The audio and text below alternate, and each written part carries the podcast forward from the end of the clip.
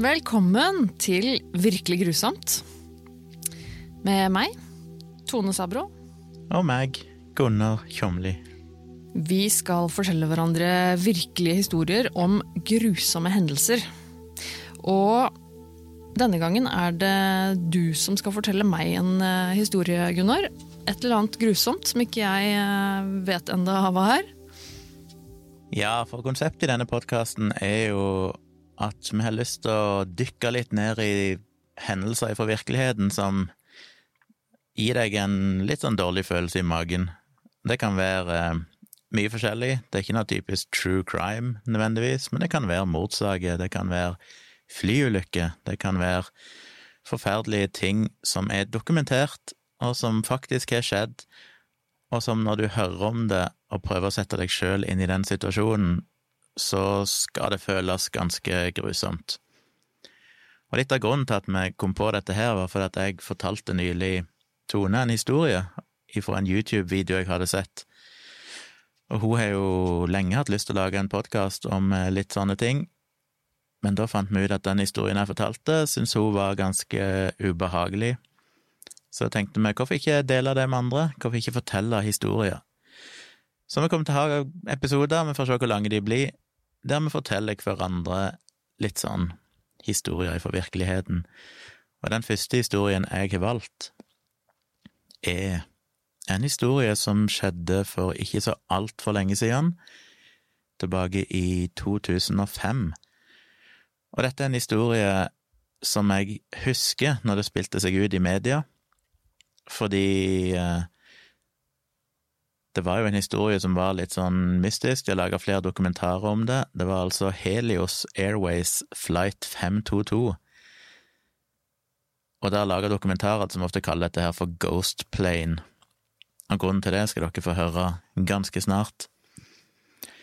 Historien er altså at 14. Eh, august 2005 så var det et fly ifra Helios Airways, som jeg vil vel anta er et gresk eh, flyselskap, litt sånn billig selskap som ikke lenger fins.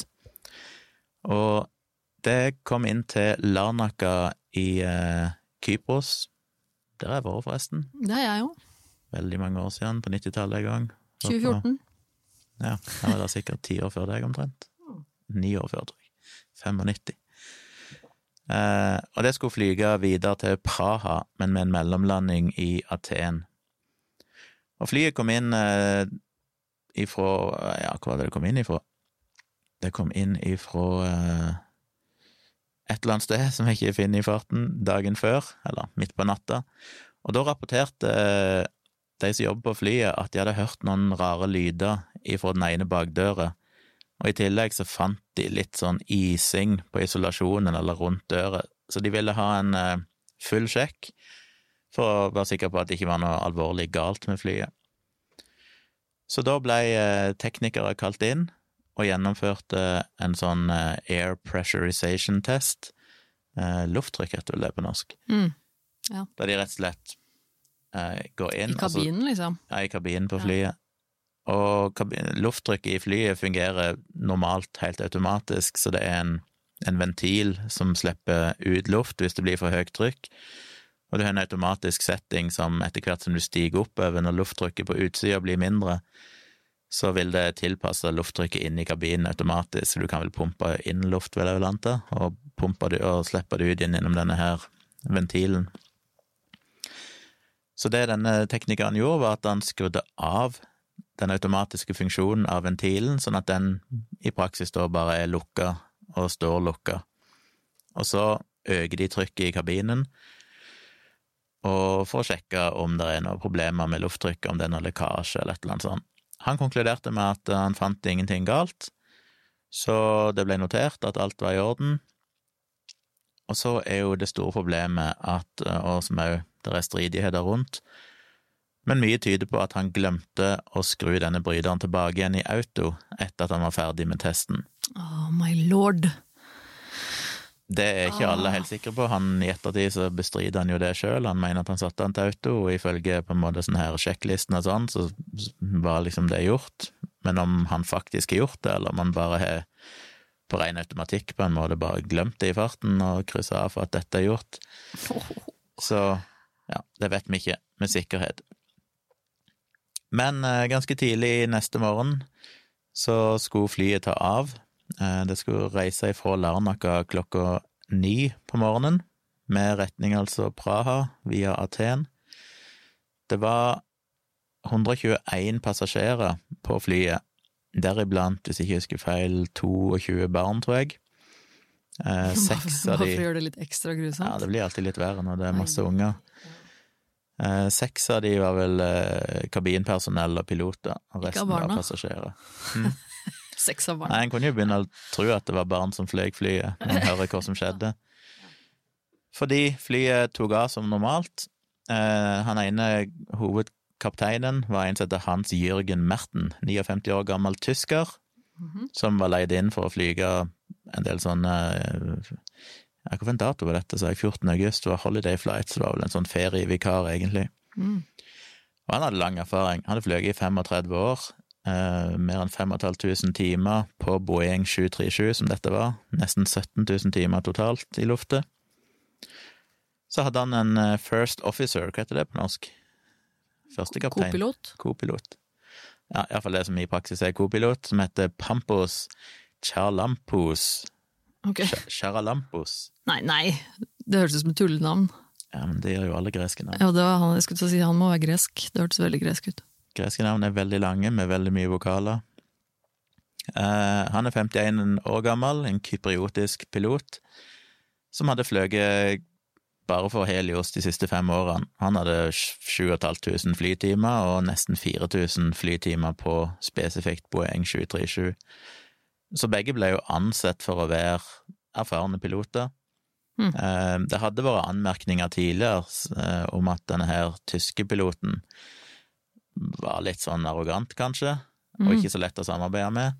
Okay. Men det var andre som mente at det ikke var noe problem, så det var litt sånn delte meninger. Det har jo vært spekulasjoner i ettertid om at han kom vel fra Øst-Tyskland, og at litt av den mentaliteten der, litt sånn strikt, firkanta mentalitet, kanskje gjorde at han hadde en sånn fremtoning. Hmm. En liten kaffepause her. Eh, så flyet tok av. De fant som sagt ikke noe galt med trykket. Og når det letta, så begynte det gradvis å stige, som fly som regel gjør, hvis alt går i orden. Det letta klokka 9.07 spesifikt, og da er det jo mye som tyder på at dette her eh, trykk, lufttrykkssystemet fortsatt sto i manuell setting, og at den eh, eh, ventilen som skal slippe ut luft, var delvis åpen, for den hadde vel blitt åpna for å slippe ut luft etter denne trykketesten var gjort. Og hva vil det bety i praksis? Jo, det vil jo bety at når flyet stiger, så vil eh, lufttrykket inni flyet gradvis på en måte til, tilpasse seg omtrent det som er utenfor, sånn at det blir mindre og mindre trykk Ja. i kabinen, og du mister mer og mer oksygen da i praksis. Men bare veldig sakte, luft. da? Eller siden det var bare var veldig Ja, for det når jeg leser sånne rapporter om dette her, så ser det ut til at de er på en måte to målere fram på kontrollpanelet. Den ene som viser den faktiske høyden de er i, og den andre viser eh, hvorfor en høyde trykket i kabinen tilsvarer. Mm. Og de var ikke identiske, så det er ikke sånn at trykket på utsida var likt trykket på innsida, men det, Nei, lå, det legga litt etter. Da, Så det var ganske naturlig at de ikke oppdaga det sånn umiddelbart, da. ja, de burde egentlig ha sett det ganske fort, Ja. for det at eh, ja, det finnes mye data på dette på nettet, liksom hva du bør forvente at trykket i kabinen Ja, er på forskjellige høyder og sånn, men det overså de. Mm. Når de passerte 12 040 fot, som altså er 3670 meter, altså 3,6 kilometer opp i luftet, så gikk det av en alarm. Og det er en veldig tydelig alarm, en sånn hornlyd, en sånn e, e, e, e. Hadde de kommet langt, da, eller? Nei, det var jo bare Hva tid var det? Det var ikke mange minuttene etter takeoff. Ja, ok. Så det skjedde jo relativt fort, og det var Ja. fortsatt på stigende, for de skulle jo helt opp til 30 000, eller 34 000 fot, altså ca. 10 kilometer, som er vanlig Ja, cruising altitude. Så den alarmen gikk, og den alarmen var, eh, sier i praksis at eh, det er noe feil med trykket, eh, og det første piloter da skal gjøre, er å ta på seg oksygenmaske Mm. og det skal pilotene være drilla i. Problemet med akkurat den flytypen, den Boeing-flytypen, er at den alarmen kan indikere to forskjellige ting. Det er akkurat samme alarm og samme lyd hvis du har det de kaller for en takeoff configuration error. Så de pilotene tenkte av en eller annen grunn at dette er en takeoff configuration error, og begynte febrilsk å liksom kikke rundt hva er det som er galt, er det bare en feil alarm? Mm. Det idiotiske her er jo det at eh, For dette er jo noe Boeing hadde fått kritikk for mange ganger tidligere, for det var faktisk en norsk, et norsk fly fra Kristiansund til Oslo i 2001 som hadde akkurat samme feilen, Ah, der den alarmen gikk av. Pilotene skjønte ikke hva det var, what? og det gikk så langt at oksygenmaskene datt ned, eh, sånn at alle passasjerene måtte ta oksygen. Men der gikk det jo heldigvis bra, da, for de skjønte det etter hvert. I dette tilfellet så kobla aldri pilotene at det kunne være noe med lufttrykket. Eh, og det er ganske idiotisk, for det er den alarmen som heter takeoff configuration error, vil kun kunne gå av når du står på bakken, for den indikerer at noe er galt før takeoff. Oh. Så hvis du hører den i luftet, så vil det alltid være på grunn av lufttrykket. Oi. Og det har jo Boeing forsvart seg med, at de mente at det burde være Det er ganske tydelig hva det er, når du hører den i luftet, så er det lufttrykket. Ja. Men de hadde fått flere anmerkninger tidligere, og egentlig sa at de skulle gjøre noe med det, men ikke gjort noe med det ennå. Eh, Sånn at, for det har vært flere misforståelser da hos piloter tidligere, og det er litt fordi at selv om de er drilla på dette, så, så blir du ganske satt ut i en sånn situasjon. Ja. Kicker det inn noen instin- instinkter, kanskje, når det plutselig er den lyden du ikke har hørt før? Ja, Det er jo litt rart, for at dette er de som sagt drilla på, og litt av poenget med å drille folk i det, at de skal reagere instinktivt. Ja. Og det er litt sånn skremmende at det har vært flere rapporter om at pilotene, inklusiv den norske flyet, at de faktisk ikke skjønte at dette her er Det er jo helt sinnssykt. Ja, det er dritskummelt. Men det er det som er litt av greia med denne ulykka, at de fant vel i rapporten at det var 16 forskjellige feil som ble gjort, Eh, og hadde bare én av de tingene ikke blitt gjort feil, så hadde ikke den ulykka skjedd. Hva skjedde da? Nei, ja, det er alltid for at de satt at de Nei, jeg mener, jo, du må fortelle videre. Ja. Det er spennende nå. Uh, ja, så kom, da var de oppe i 12 000 fot, og så gikk det jo flere varsel og alarmer av i cockpiten. Eh, en av de var at det var lite luft som fløyt gjennom disse her kjøleventilene. Og noe av grunnen til det er at du har tynnere luft i kabinen, og dermed blir på en måte lufttrykket mindre. Så de fikk noen alarmer som sa at elektronikken i flyet begynte å bli overoppheta, for det kjølingssystemet virka ikke godt nok. Oi. Ja. Eh, Når de kom opp i 18 000 fot, som er 5500 meter over bakken, så gikk lyset av som sier at eh, her er, nå er det for lite oksygen, og da faller automatisk alle maskene ned i kabinen til alle passasjerene. Mm. Og det skjer på ren automatikk, det er ikke noe som noen må utløse, men ja. Og det visste ikke pilotene, de fikk ikke det med seg tydeligvis. At de, de jo- maskene spratt ned for alle passasjerene? ja, for de sitter jo framme Ja. og vet på en måte ikke hva som skjer der bak, og med mindre de ser det lyset og får med seg det. Jeg tror de egentlig trodde det bare var liksom en del feil som skjedde, noe feil med instrumentene og sånne ting. Ja. Og da var det litt kommunikasjon mellom piloten og, og flyplassen eh, i Larnaca, eh, der, ja han begynte, Piloten begynte å spørre liksom, ja, hvor finner jeg bryteren for dette kjøleutstyret og sånn, og da hadde de fortsatt ikke tatt på seg oksygenmaske, så nå begynte jo oksygennivået ja, Ja. For de hadde jo ennå ikke skjønt at det var noe galt med oksygenet, eller lufttrykket. Og da spurte han jo faktisk, eh, for det han teknikeren som hadde sjekka flyet, han var fortsatt på flyplassen, for han pleide som regel å bli der en halvtime etterpå, bare for å være Mm. sikker på at alt gikk greit med flyet. Ja. Og da viser radiokommunikasjonen at han teknikeren eksplisitt spør piloten kan du bekrefte at dette her trykkbryteren, lufttrykkbryteren, er satt til auto. Oi. Eh, Men kapteinen, som da sannsynligvis allerede var påvirka av oksygenmangel, han bare spurte på nytt, liksom, du hvor skrur jeg på dette her kjøleaggregatet? Så, de glemte, eh, det sa jeg vel ikke, men det er jo viktig å huske på at den bryteren skal jo være sjekka før takeoff, Mm. og det vet de heller ikke hvorfor ikke det ble gjort. Det står jo ei sjekkliste du går gjennom, der kopiloten leser opp et punkt, eh, kapteinen sjekker det, og så skal kopiloten gjenta det. Mm. Og av en eller annen grunn så må de her på en måte skippe over det. Og det, er jo, det er jo, går litt på psykologi, at de kanskje frykter at co-piloten kanskje hadde for mye respekt for piloten. Det går jo igjen i veldig mange av de flyulykkene, at det kan av og til være litt sånn Du tør ikke si ifra, Ja. for du føler at den andre er mer erfaren. Ja, for han, han vet sikkert hva han driver med, så jeg vil ikke si noe på han, liksom. Ja. Det skulle òg ha blitt sjekka mens de var på vei opp, like etter takeoff, og igjen litt seinere på vei opp, så egentlig tre ganger så skulle de ha sjekka dette på veien opp, uten at de oppdaga det. Eh, når luft, eh, oksygenmaskene faller ned, så er det så er det en sånn egen oksygentank til hver, hver seterad, tror jeg, Mm. eh, på hver side, altså halve seterad. Uh, og det er oksygen som blir laga kjemisk, så det er vel ja, det blir generert kjemisk og kommer ut i disse oksygenmaskene, men det varer bare i tolv minutter. Ah, Og tolv minutter skal være nok til at hvis dette skjer, så skal du ha tid til å komme deg ned på 10 000 fot, ah, som er et nivå der, du, f- er det er nok oksygen i lufta. Ja, ikke sant. Så passasjerene har bare tolv minutter med oksygen, Ja.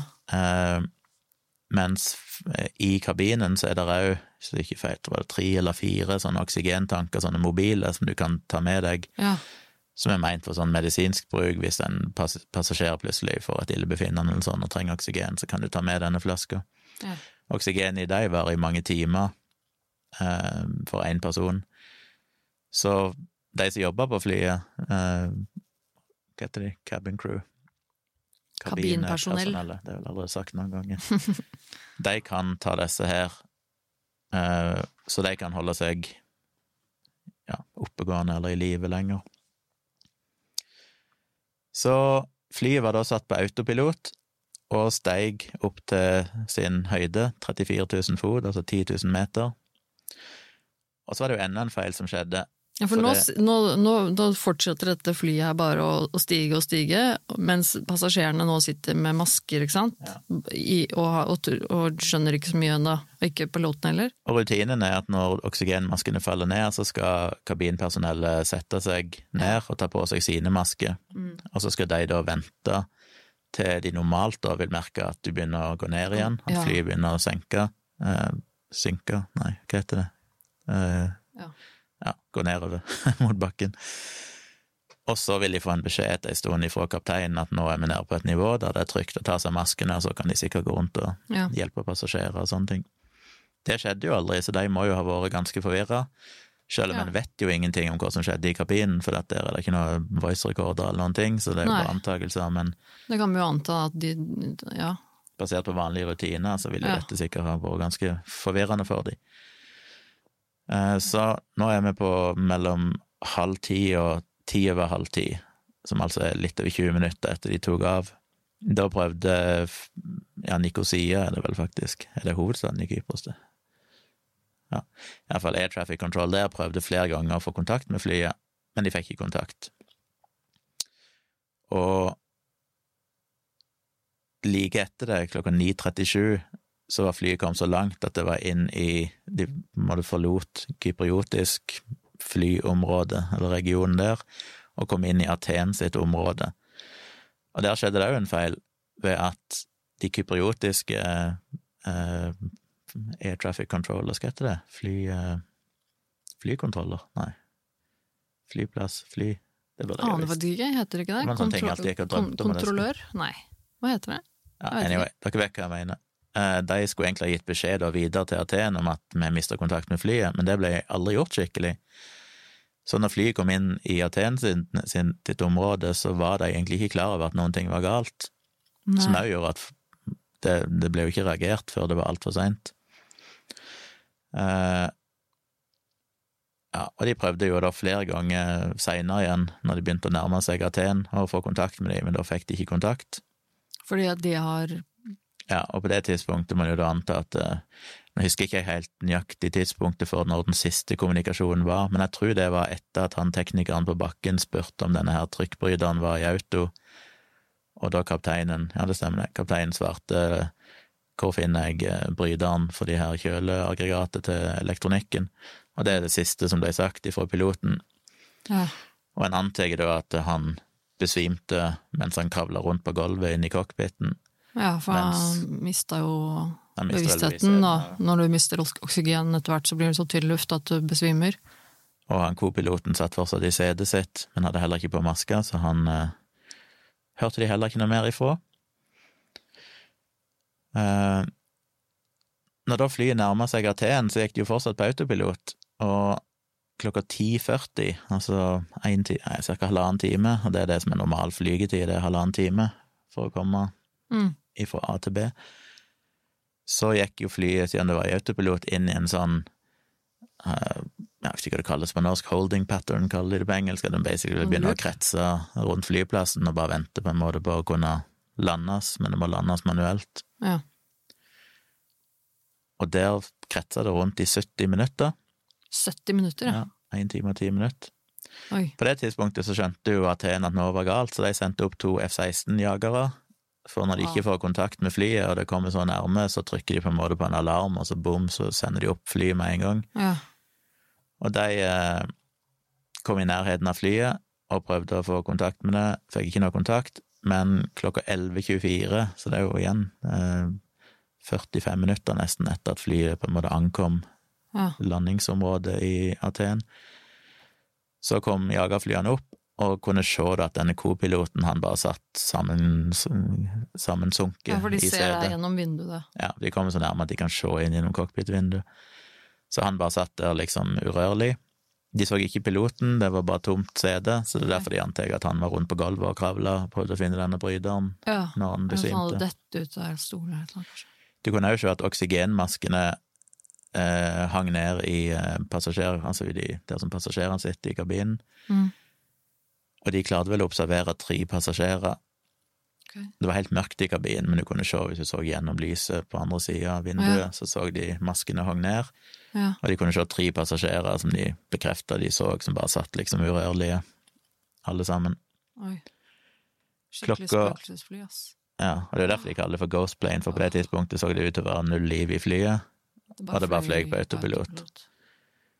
Klokka 11.49 så så plutselig, eh, og dette er vel delvis fordi at de har den siste halvtimen har de på denne her voice recorderen, Mm.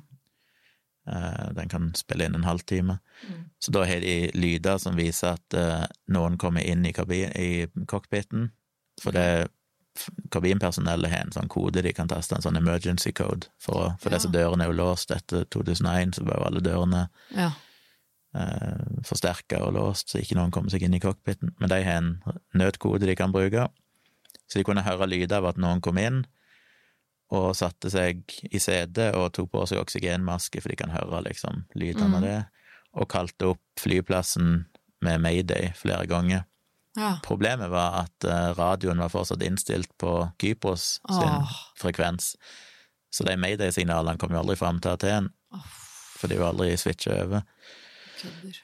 Og da så jeg klokka 11.49, altså ca. en halvtime etter første gang disse F-16-jagerne så inn i flyet første gang.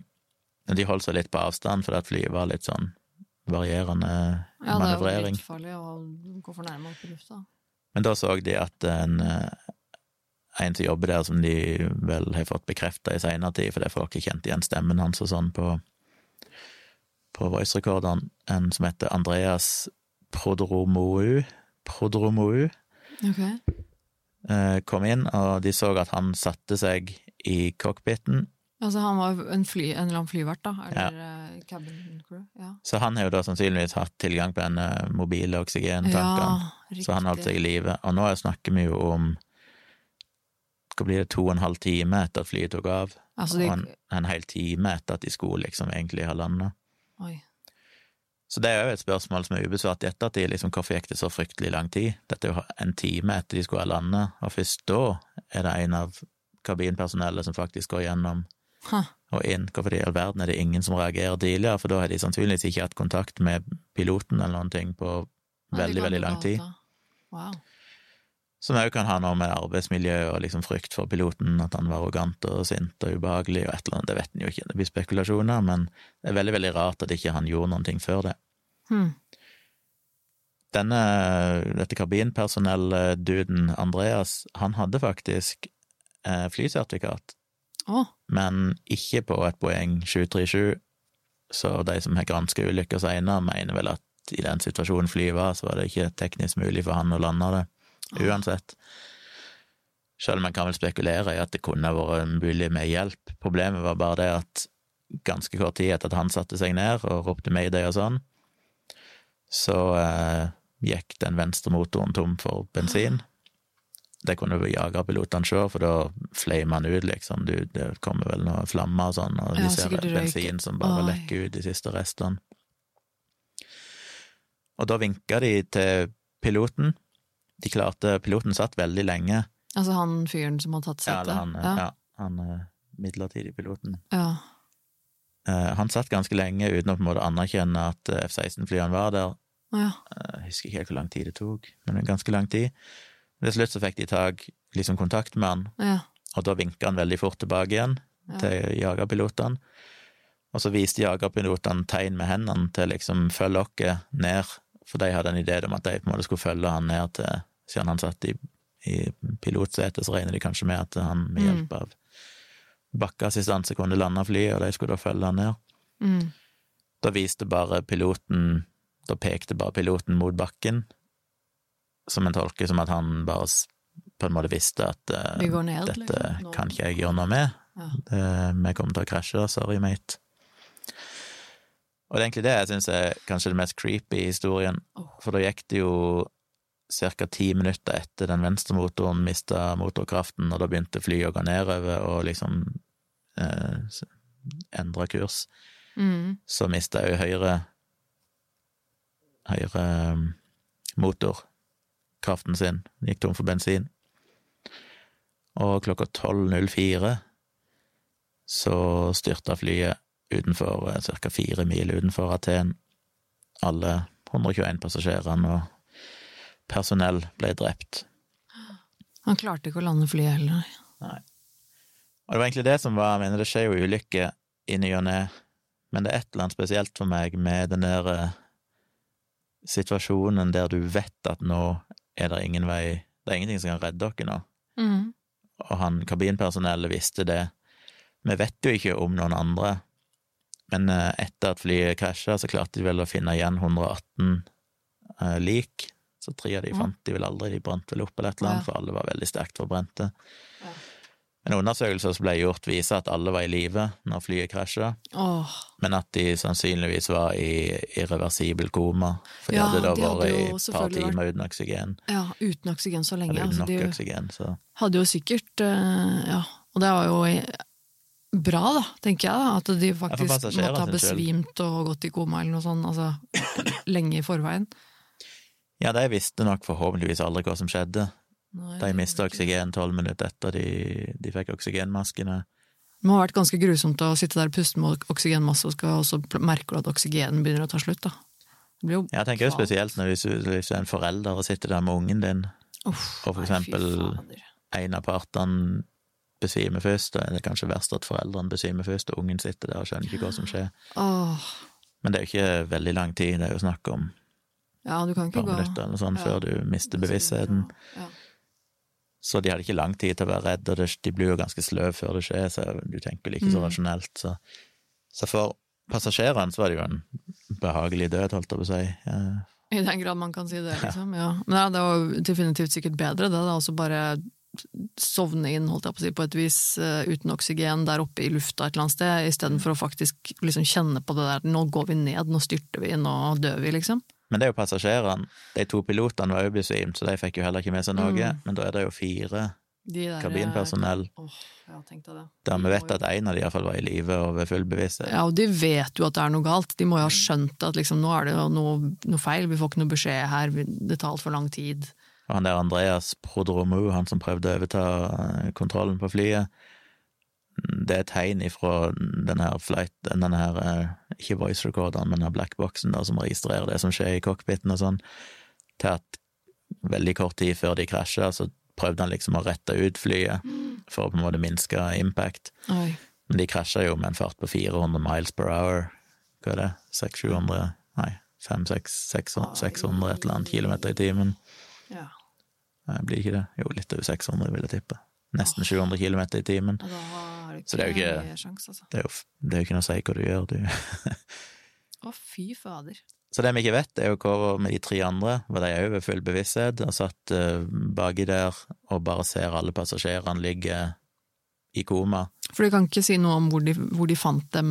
Ja, det har jeg ikke lest i noen rapporter, men sannsynligvis så vet de ikke det, for det flyet ble totalt ødelagt. Så de fant jo vrakrester over et gigantisk område, over to fjelltopper, alt å si, og det brant jo ned et mange mål med land, brant jo ned på grunn av eksplosjonen. Oi. Så det var enorme skader. Men altså, tenk deg han, da, som sitter i cockpiten der, og bare er helt desperat og vet at liksom nå Det er bare jeg som er våken på hele dette flyet. Nå går vi ned. Jeg vet ikke hva jeg skal gjøre for å redde meg sjøl og alle. Altså sånn, å fy fader, det må være helt det, Og det må være grusomt, altså. Fy. Ja. Passasjerene var primært kypriotiske så var det én tysk pilot, og så var resten fra Hellas, tolv personer fra Hellas, og én pilot fra Hellas. Så var det selvfølgelig mye undersøkelser etterpå, og det har vært mye sånn Boeing fikk jo mye kritikk fordi at de som sagt hadde hatt mange tilfeller at folk hadde misforstått den alarmen tidligere, og Boeing hadde ikke gjort noe med det. Um, ja. Spørsmålet er jo hvem sin feil det er. Han stakkars teknikeren, han fikk jo et enormt mediekjør, og tre år etterpå eller noe sånt, så ble jo han sikta for drap på 121 eh, personer, Oi. og ble i utgangspunktet dømt for det. Så han ble dømt til 121 livstidsdommer. What? Men eh, så anka de, og da ble han vel frikjent. Og så var det andre involvert i flyselskapet og sånn, som ble sikta, og noen av de ble dømt og fikk eh, var det, ti år i fengsel, eller de måtte betale 79 000 euro han ene ble frikjent, hva var det han var? Han var fra et land, var det Kypros han var ifra?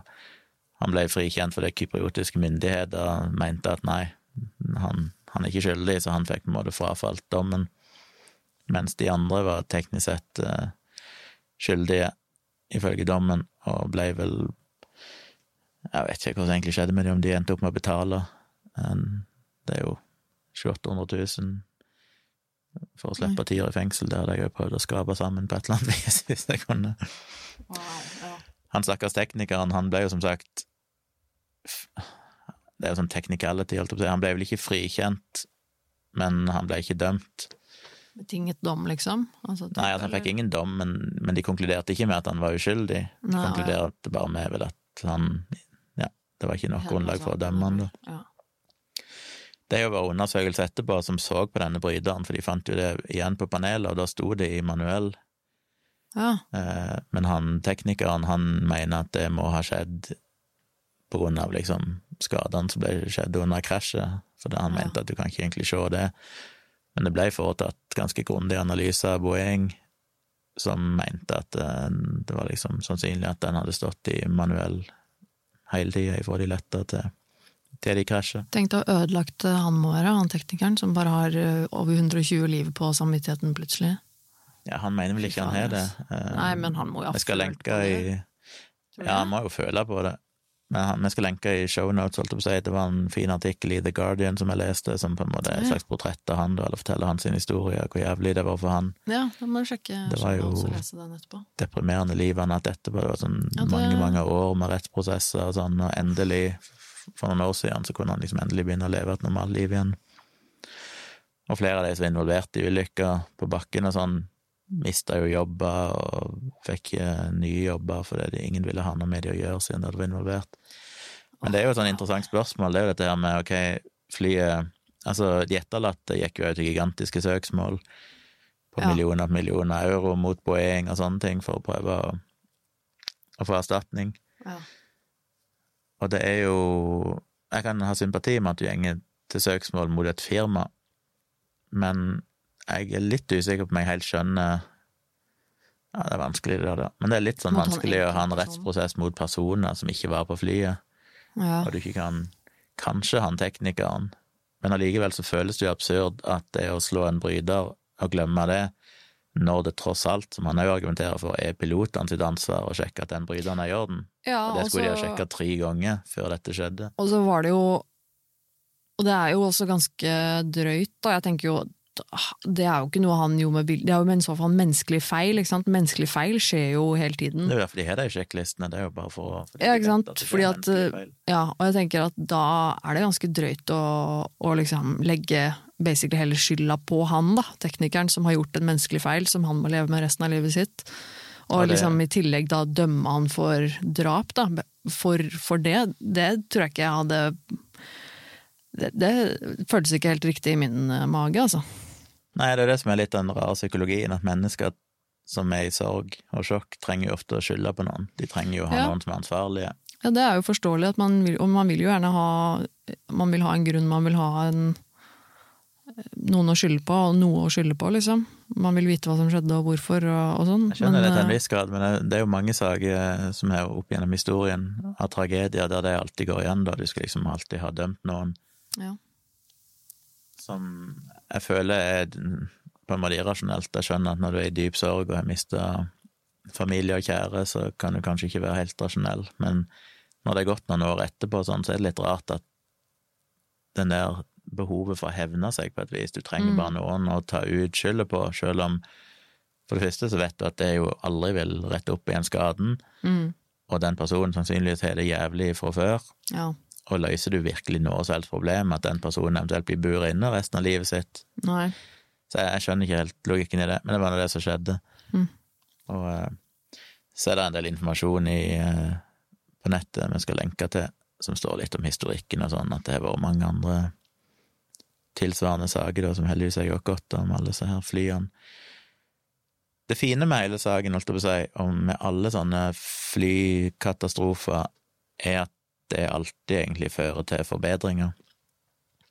Ja. Og det er jo derfor fly er så ekstremt trygt å flyge og reise med nå, sammenligna med på 70-tallet og 80-tallet, der det var mye mer flyulykker. Mm, Fordi hver gang det skjer en ulykke, så, så er det jo Det er nesten vanskelig å tenke seg noe annet felt der det blir gjort så grundige analyser og granskinger i etterkant som med flyulykker. Og eh, Så det som ble innført av Boeing etter denne ulykka, var vel at de fikk opp noen sånne lyspanel eller sånne LED-indikatorer eller noe sånt på panelet som eksplisitt sier om det er lufttrykket som er problemet, eller om det er noe annet. mm. Ja, det er bra. Så det ble jo retta opp, da. Noen mener jo at selvfølgelig at det var for seint. De burde ha gjort Ja, det når de altså, fikk for de for de hadde jo fått rapporter i flere år om dette. Men Absolutt, ja ja. Så er det mye detaljer en kan gå inn i, sånn som at noen mener jo at den testen han teknikeren utførte for å sjekke trykket på bakken, egentlig ikke Han gjorde selve testen feil, for eksempel, at den egentlig ikke verifiserte om det var noe lekkasje og sånn, og Mm. det hadde vært mange rapporter på tidligere fly av samme flytype om de samme problemene med at de hadde hørt lyder fra bak døra, og at det hadde vært frost, og at de hadde med, noen hadde kjent at de fikk at liksom lufttrykket sank og sånn. Så han Yes. teknikeren, han mener vel kanskje eller han hevelse av i den Guardian-artikkelen, så mener vel han at hele problemet var at det var feil med den der ventilen. At det Ja. egentlig så var denne her bryteren i auto, Mm. og lufttrykket skulle ha blitt utjevna, men fordi den ventilen sto litt åpen, så bare gikk lufta rett ut igjen, så de fikk aldri Ah. bygd opp trykket Ja. eller hvordan det var. Eh, og alt dette her har de aldri klart å konkludere helt med, for det flyet var vel så ødelagt. ja, det er sikkert vanskelig å finne ut av. Men igjen, det var åpenbart at det så ut til å være mye rapporter om problemer med den flytypen og alt dette her, så Så det er en sånn historie som jeg ikke syns er så behagelig. Jeg får, for jeg lever meg så inn i sånt med en gang og tenker sånn Tenk å sitte Tenk å sitte på på eh, i passasjersetet der og bare vite at nå krasjer vi. Nei, det må være helt grusomt. Så da er det store spørsmålet til deg, Tone. Ja, Jeg har tenkt at vi skal prøve å rangere de her historiene litt. ja, ja. på en veldig uvitenskapelig og veldig, veldig subjektiv måte. Grusomhetsskalaen. Men hvor vil du plassere denne historien på grusomhetsskalaen, der én er ikke spesielt ille, og ti er noe av det jævligste du kan tenke deg å oppleve? Oi. Åh, det er eh, Det er nesten så Det er vanskelig å ikke si ti på en måte med en gang, fordi det er jo ganske grusomt. Men eh, det er Av ting du ikke kunne tenkt deg å oppleve sjøl, holdt jeg på å si, der du har er- tid til å Jeg mener én ting hvis du blir drept ganske umiddelbart og fort sånn, men, men den, hvis, hvis en prøver skalaen må være litt basert på hvis du setter deg inn i situasjonen, at det er Ja. deg.